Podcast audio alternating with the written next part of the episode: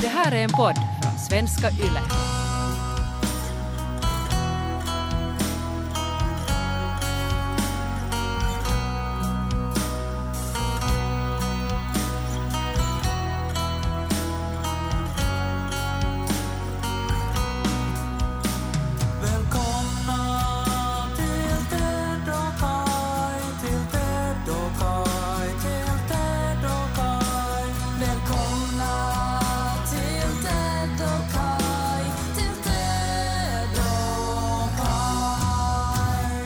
Välkomna till Ted och Kai-podden, avsnitt 224. Stort välkommet. Mm. Och jag skulle gärna vilja fråga dig Ted, eh, vet du vad hype är? Hype. Ja. Ehm, du syftar säkert på den finlandssvenska musikalen som jag missade totalt. Men jag var väl för liten tror jag. Men det var väl en sån här eh, en av de första så här reality-kändis, alltså så, här, så finlandssvenskar blev till kändisar. Ja, det var ju det man har hört. Ja. Och jag har också missat den, eller jag, jag har ju hört om den hela mitt liv. Och eh, för att det pratas om det i teaterkretsar. Mm. Än idag liksom när man rör sig på en teater så tar det kanske, inte vet jag, tre och en halv minut innan någon nämner ja det var som i hype. Mm, men det Åh. var väl en sån här som var startskottet för mångas teaterdrömmar och sexualitet säkert. Precis. Och eh, jag minns ju Ville Pusa. eh, Ja, han var blev, med där. För han var sen på någon turné i högstadier och då Mm. kom de till eh, vårt högstadium också. Det kommer jag ihåg, men det var väl i samband med Extrem, det var väl inte i samband med Hype? Mm, men det var på 90-talet, så det var som rätt så snabbt efter hype, så han var som stor Han- från hype säkert. Ja, han var jättestor då. Och så minns jag att han, han tävlade mot en elev, att man ska klättra upp på sådana som man förvarar limsaflaskor i. Korgar som man har, Ja. limsaflaskor. Lemonadkorgar. Lemonadkorgar. Och så skulle han liksom stå på en sån och så skulle han sätta en till och, och liksom klättra högre och högre upp. Och så tävlar han då mot en av de häftiga pojkarna.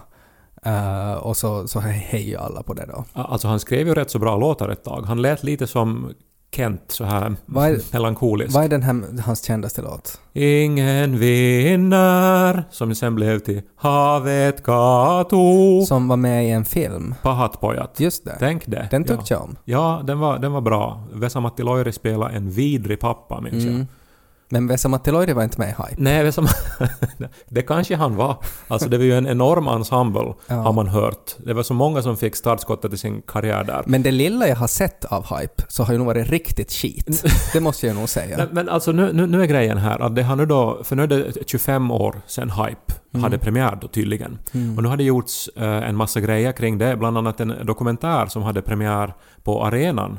Mm. Så man kan gå in och se på den. Jag har inte sett den. Nej, jag har sett på den och det är Okej. kanske den konstigaste dokumentär jag har sett i hela mitt liv. Ah, ja. Ja, den är, den är riktigt märklig. Men är det för att du inte har sett Hype då? Nå, jag, jag har inte sett Hype, men eftersom det talas om Hype så har jag ju varit nyfiken på Hype och haft en sån här känsla av att jag har ju nog missat någonting stort som inte såg Hype. Ja. Men du vet liksom när alla nyanser försvinner och eh, bara liksom ekorna av de starkaste skriken och explosionerna ännu känns. När man ska liksom försöka sammanfatta någonting som har varit helt tydligen eh, en stor upplevelse, men det är som att försöka sammanfatta en eldsvåda för någon som inte var där.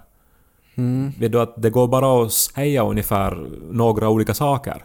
Ja. Och det här är alltså en timmes dokumentär. Men är, är det ens i något skede i den här dokumentären som någon säger ”Fuck you Carol Baskins”?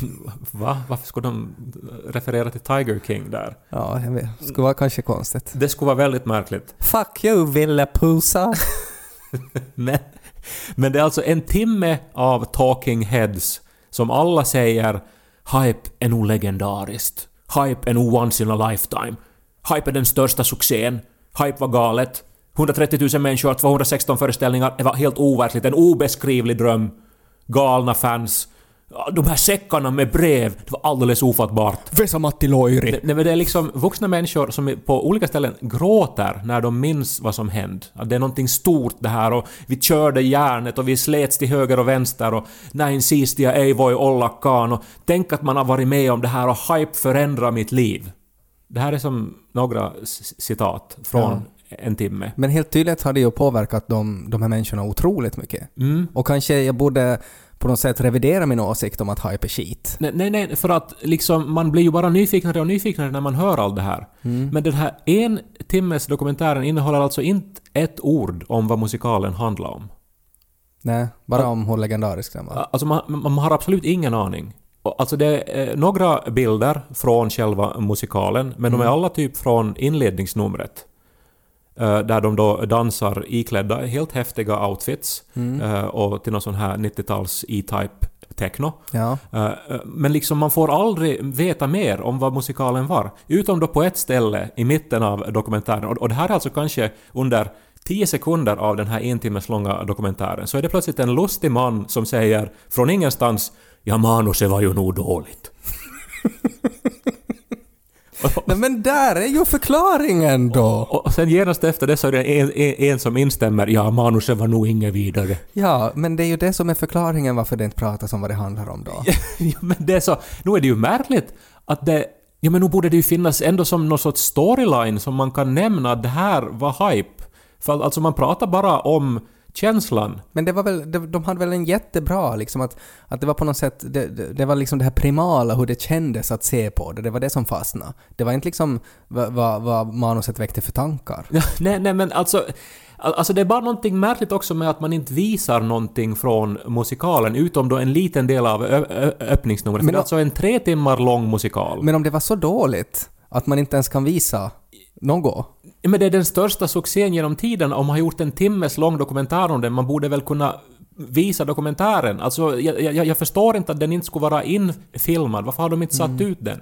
Så att vi ska få se vad det handlar om. Ja men för att då skulle det förstöras, då skulle folk vara sådär att ja, det var ju nog inte bra det där. Det enda som man liksom lär sig från den här märkliga, märkliga timmes långa dokumentären är att det är 25 år sedan det största som någonsin har hänt hände.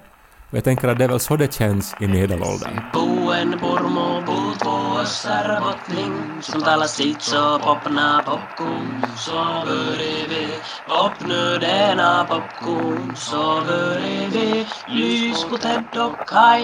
Apropå hype, ordet signalerar ju någonting som har blivit så här eh, omtalat väldigt mycket. Någonting som är väldigt inne. och lite uppblåst är det också. Alltså att det är ju... Hype har ju också negativa associationer, alltså att man tänker att någonting har hypats. Så jag åtminstone får sådana tankar att okej, det kommer inte att motsvara förväntningarna. Det är för höga förväntningar när någonting hypas. Mm, intressant. Eh, Jag har läst i veckan nu nämligen årets mest hypade bok kan man väl säga. Eh, My Dark Vanessa. Har du hört om den? Nej. Kate Elizabeth Russell, en amerikansk författare, hennes första bok som handlar då om eh, en 15-årig tjej som inleder ett eh, förhållande med en lärare som är 42. Alltså med hennes lärare. Ja, hennes lärare i Ja. engelska. Ja, men det är väl inte bara inte okej, att det är väl olagligt också. Eh, Det är all- allt det där och det är liksom eh, fel att kalla det för ett förhållande men det är det att det är hon själv som menar att det var ett förhållande. Och det är väl det här då som den här boken försöker utforska. Den utspelar sig alltså liksom på två tidsplan. Dels under eh, de här åren när hon var tonåring och det här hände. Och sen eh, i nutid efter metoo när läraren då har blivit nu då anmäld för att han har förgripit sig på också andra elever. Och då blir hon eh, kontaktad av en av de här eleverna och uppmanad att vara med i uppropet då. Eh, men hon vägrar, för hon menar att hon inte har blivit förgripen på. Utan att hon var ju kär, det var ju ett kärleksförhållande. Och eh, romanen då så undersöker eh, eh, nå, dels då hur grooming går till, eh, hur, hur, den här lärarens beteende och hans strategier liksom beskrivs väldigt väl. Och sen eh, om hur hon resonerar och hur hon liksom leds in i den här föreställningen då att det här är ju kärlek. Att det här är vad hon vill och det här är vad han vill. Ja. Och, eh, Men han har, han har fått henne att tro det då. Ja, exakt. Eh, och den här eh, romanen var väldigt tung att läsa på många sätt, men den var jättebra, så jag kan re- rekommendera den. Men den stora kontroversen kring boken handlar framförallt om att den är påhittad. Alltså den här Kate Elizabeth Russell har liksom sagt då eh, rakt ut att det här då inte baseras på verkliga händelser, utan Mm. det är då hennes påhittade eh, hi- historia då, från Mm. början till slut. Ja. Eh, Det i sig då har väl eh, kritiserats att, för det här är ju säkert någonting som händer eh, rätt så allmänt. Men på vilket sätt har det kritiserats? Nå, dels för att hon har alltså fått en så här rekordförskott för den här boken. Alltså hon Ja. har blivit liksom miljonär på den. Mm. Och det är ju så att säga en viktig historia som många ju tyvärr säkert har upplevt på riktigt. Mm. Men nu är det då hon som så att säga får pengar för att berätta historien. Mm. Och sen det andra eh, handlar också om att det var en eh, mörkhyad författare som eh, skrev på Twitter om det då när den här boken började gå bra att eh, hon skrev för några år sedan en typ exakt likadan historia men den ville ingen publicera för att eh, ingen bryr sig om vad som händer mörkhyade unga kvinnor. Mm. Men så fort det då är en eh, vit ung kvinna som då beskriver en sån här historia så då är det liksom en världssensation och rekordförskott och så här. Mm. Vad känner du om det här? Får man eh, liksom hitta på och skriva hur man vill och eh, det här, är det respektlöst mot andra då som eventuellt har personliga erfarenheter? Ja, det är nog jättesvårt, men att jag skulle nog säga att, att förstås måste man få hitta på. Eh, jag tänker ju mest för att jag läser skiffy och fantasy, och det skulle jag ju inte kunna göra om författaren skulle få hitta på. Men hur skulle du känna om jag skulle skriva eh, en roman om att vara s- småbarnsfar till exempel? Och, och så skulle jag gå rakt in på hur jag löser olika eh, problem och det skulle gå jättebra, de här Mm. Ja. lösningarna. Ja. Nå, alltså det är, ju, det är ju väldigt mycket handlar ju om just att hur det skrivs, alltså att om, om det på något sätt att, att hur man ska tolka det. Nu skulle jag ju anta också att det skulle handla om mig ganska långt eftersom du inte har ändå jättemycket erfarenheter av andra småbarnsfäder. Eh, så att jag skulle läsa det som någon sorts kritik nog mot min uppfostringsmetod, så att det skulle jag kanske inte bli så glad av. Eh, Men jag tycker nog förstås att du ska ha rätt att göra det. Du är ju författare, du måste ju få använda din kreativitet och din inspiration och skriva om vad som helst. Men skulle du känna så då också om jag helt uppenbart då skulle ha använt allt som du och jag någonsin har pratat om att uppfostra barn Mm. och så skulle jag få 10 miljoner euro för att skriva om Ja, no, då skulle det ju kännas lite tokigt, men så länge jag inte har sagt åt dig att hej, det här sen som jag berättar åt dig, mina knep för att uppfostra barn, det vill jag sen, det är hemligt sen, för att jag ska själv skriva en bok och bli rik. Om du skulle då liksom ha stulit mina idéer, då skulle det ju inte vara okej. Men om det bara är en diskussion så då tycker jag att så måste ju, det, det är ju det man måste leva med när man umgås med en författare. Att så är det ju. Att allt vad du säger kommer att användas i en bok någon, i något skede. Så här är det ju, man ska ju inte heller bli ovän med en författare. För Nej. då hamnar man Då kanske... hamnar man där med en liten penis. Bara som ett tips, som Ja. vet. Ja, och jag tycker det är helt rätt. Alltså så är det ju. Jag menar, det är ju samma, inte ska man ju bli ovän med den som besiktar bilen heller. För då plötsligt så går det inte att bromsa. Att han skulle försöka mörda Ja, en. ja att, att han... Att, Att han skulle sabotera bromsarna. han, säger, han kommer in, tvättar av sina fingrar och säger att bilen är 100% säker, bara att det kör iväg. Jag skulle tipsa att du far i den här högbacka. Uh, och så bromsar man och så går det inte att bromsa. Nej, alltså jag är nog också av åsikten att det låter nog väldigt märkligt det här att man inte skulle få liksom skriva och använda sin fantasi så som man vill. Mm. Men uh, nog skulle jag bli... Jag menar... Jag tycker det, det är ju framförallt så hade ju att om hon har varit uppriktig med det ända från början, att det här är, det här är inte liksom hennes historia, att hon har hittat på det här, då tycker jag att det är fine, men att om hon skulle ha på något sätt blivit liksom en sorts galjonsfigur för människor som har varit med om det här och utnyttjat det, då skulle det ju verkligen inte vara okej. Om det skulle ha kommit fram så här i efterhand. Men Oprah eh, Winfrey då har ju en sån här book club som är Mm. väldigt inflytelserik. Och hon hade då lyft upp den här boken My Dark Vanessa som en av årets bästa böcker men sen när det blev eh, liksom kritik mot den så då avlägsnade hon den då från sin, sin bokklubb då. Mm. För att... Eh, no, alltså det är ju alltså, vet du, de kanske mest eldfängda ämnena idag, alltså uh, metoo och eh, sen liksom som, så att säga kulturell appropriering som det ju handlar om. Mm. Och den här eh, boken så rör ju om i båda grytorna så att Det säga. är därför fantasy är så bra, för att där kan du, ingen kan bli arg på kulturell appropriering om du skriver om orkar, för de finns inte på riktigt. Ja, men den här boken då väcker ju otroligt intressanta diskussioner och Mm. minnen i en själv från skoltiden. Var du någonsin kär i någon lärare? Uh, nej. Eller upplevde att du var liksom jätte, som... Nej, som- faktiskt inte alls. Jag kan, jag kan inte alls relatera till det. Vi jag, hade inte så attraktiva lärare kanske nej, heller. nej, Fast den här mannen i romanen eh, beskrivs som väldigt oattraktiv, men det Ja. är någonting väl med hans liksom position och hans makt ja. och att han är bra på poesi och så vidare. Och sen Ja. hur han då liksom uh, nästlar sig in i hennes hjärna förstås då. Mm. Eh, jag var ju lite... Men jag, jag var med om det, att jag märkte alltså på vissa uh, hur vissa i klassen uh, betedde sig, alltså för att på, no, på ett så här flirtigt sätt betedde sig mot vissa lärare. Och att man märkte hur, hur vissa lärare blev obekväma av det. Det kommer jag ihåg. Uh, och det handlade då att det fanns väl en lärare i vårt högstadie som var väl rätt attraktiv, en manlig lärare. Och att jag kommer ihåg att det var nog liksom flera situationer där det var då flickor som på något sätt på något sätt sådär flirta i, i sitt förhållningssätt till honom och så blev det awkward.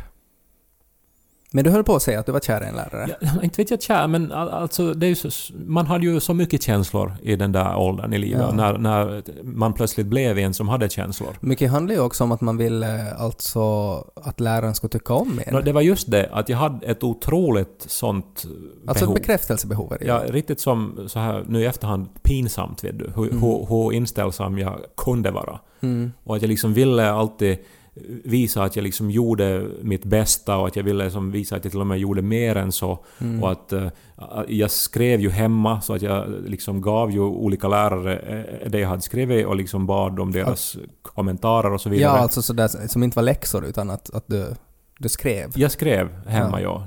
Man måste ju minnas att det här var i en liten ort med inte så många som höll på att skriva. Och att eh, vem skulle man vända sig till Ja, då? ja, det är ju helt naturligt att det blir läraren. Nå, på något plan, men ändå så här i efterhand känns det ju som att ja, att jag ville ha nog feedback på min text, men jag ville väl nog kanske lika mycket ha bara deras uh, beröm Mm. och så här. Du ville bli pajad. Och liksom i en sån situation eh, kan jag helt bra liksom tänka mig att jag skulle ha varit väldigt eh, sårbar liksom Mm. för övergrepp om man skulle ha råkat ut för någon, någon sån lärare. Ja, men det är väl det är ju just det som utnyttjas av folk som, som groomar. Ja. Alltså att, att man märker att okej, här finns en, en ung människa med ett sånt här behov. Att, att om jag, det kan jag lite pusha åt ett visst håll. Och det är ju det som är så vidrigt i det. Alltså Men- att man utnyttjar människor som är så lätta att göra det mot. Men som också eh, som, som eh, beskrivs väldigt drabbande och eh, obehagligt men jätteintressant i den här romanen också. Hur den här Vanessa eh, nästan, vet du, sen är stolt över det som hände för att hon har nu en sån här erfarenhet som ingen av hennes jämnåriga har. Mm. Eh, Hon börjar liksom betrakta dem som barnsliga och så här Mm. att de här har ju inte upplevt någonting i livet. Nej. Och som hur det på något vis bara liksom är steget vidare från eh, den där känslan av att oj, nu liksom gillar den här vuxna människan det jag har gjort och berömmer mig och tycker att jag kanske är liksom bäst i klassen eller Mm. bättre än de andra. Mm. Det var liksom en massa såna här minnen och, och som obehagliga insikter om hur otroligt sårbar man var i den där åldern som Mm. väcktes av den här boken. Jag, jag försöker tänka liksom att vad är det närmaste jag har kommit till något sånt och det är väl kanske att man såg upp till vissa lärare väldigt mycket. Att man var sådär att, att det, var, det var väldigt viktigt att, att på något sätt att, att just den här läraren såg mig på det där sättet. Att uppskatta liksom det där lilla extra som jag hade gjort för den där läraren. Och sen blev det sådär skönt i kroppen. Alltså att oj, jag fick den bekräftelsen. Och att man gjorde inte åt alla, men att de som man tyckte mera om helt enkelt. Är intressant det där att jag har minnet av att mina första förtjusningar, eh, som väl hände kanske när man var 12-13 eller någonting, Mm. eh, att det, det handlade om att jag liksom såg eh, någon och var så här att jag vill vara som honom. Mm. Oj, jag, jag, han är nog häftig, jag vill vara precis som han är. Intressant. Har det alltså, hur mycket spelar homosexualitet där in? För att det ju, har ju jag svårt då att se en flicka och vara så att oj, hon vill jag vara som. Okej, men så du identifierar de första känslorna omedelbart då som ett intresse? Inte Ja. så här att det var som att vänta nu, varför tittar jag så mycket på henne? Nej, nej, nej det, det var nog liksom helt klart att man tyckte att hon var snygg och vacker och söt. Från allra första början, liksom. Ja. Från att inte ha något känslor alls till att bara en dag vara som att Titta på den där! Nej men, Vad att, söt hon är! nej men att man på något sätt hade, alltså man visste, alltså in, innan man kunde liksom klä de här känslorna i ord och förstå att det handlar om attraktion, så visste man ju att okej, det där är, det är någonting speciellt. Det är någonting speciellt med alla flickor, men att vissa flickor var ännu mer speciella. Eh, och och då, då hanterar man dem på ett annat sätt och de var lite mer skrämmande och man var lite mer försiktiga med dem. Och sen växte det sen till en sån här eh, på något sätt långsam eh, insikt i att ja, ja, men jag är ju nästan lite kär i henne. Det är ju det det är. Och då, då var det på något sätt som att alla bitarna föll på plats. Ja, ja, men det är ju det. För att hon är, hon är så söt, liksom.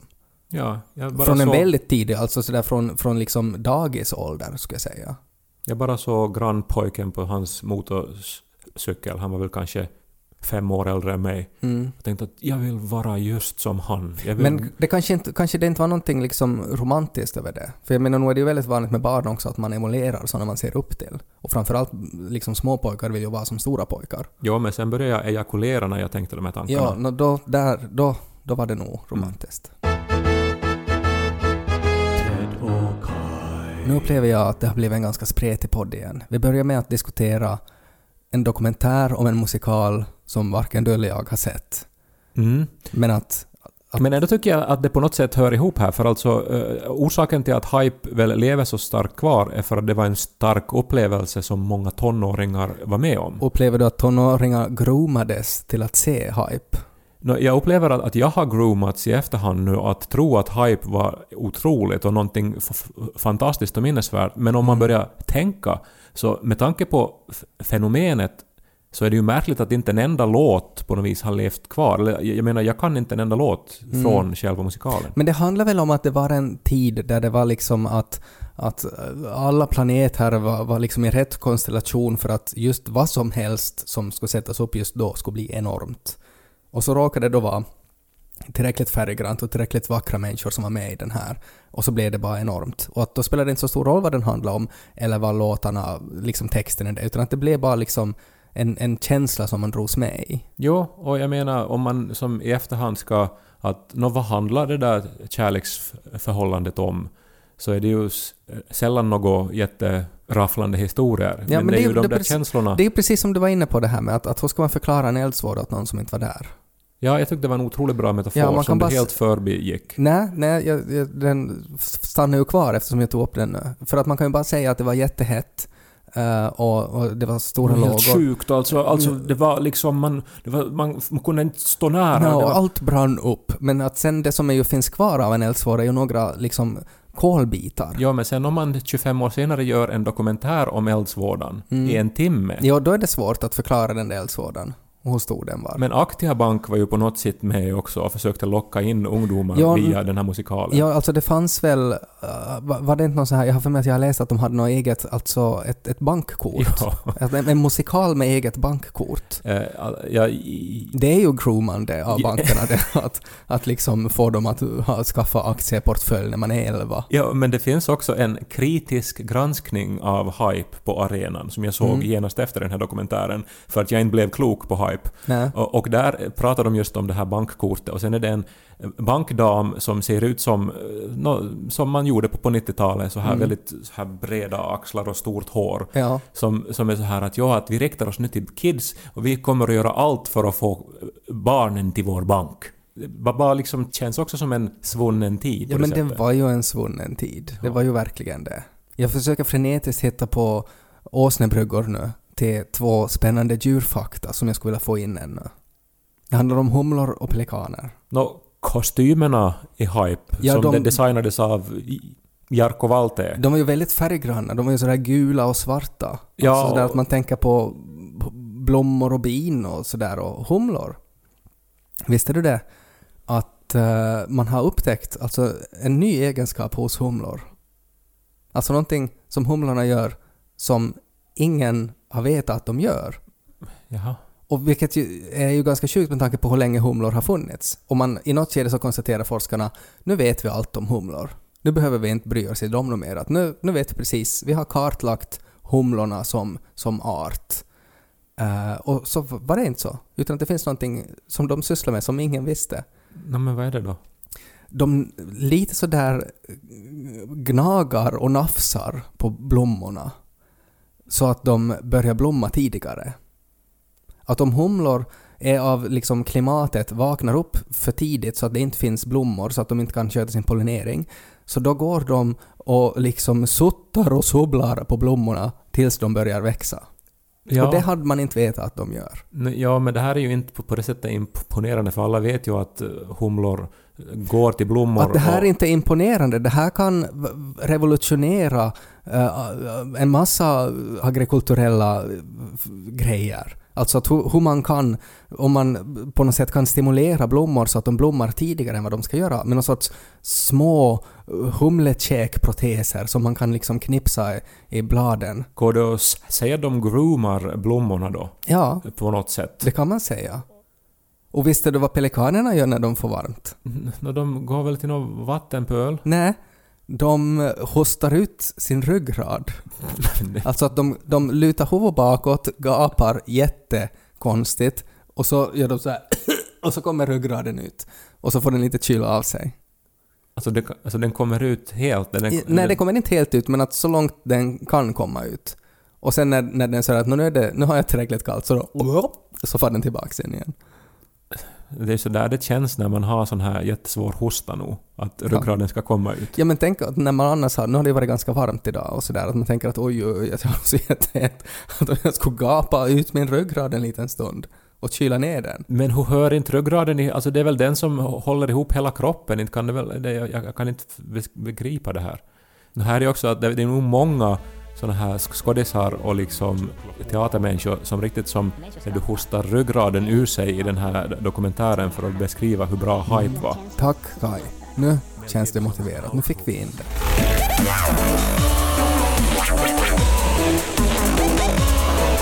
Mel Gibson.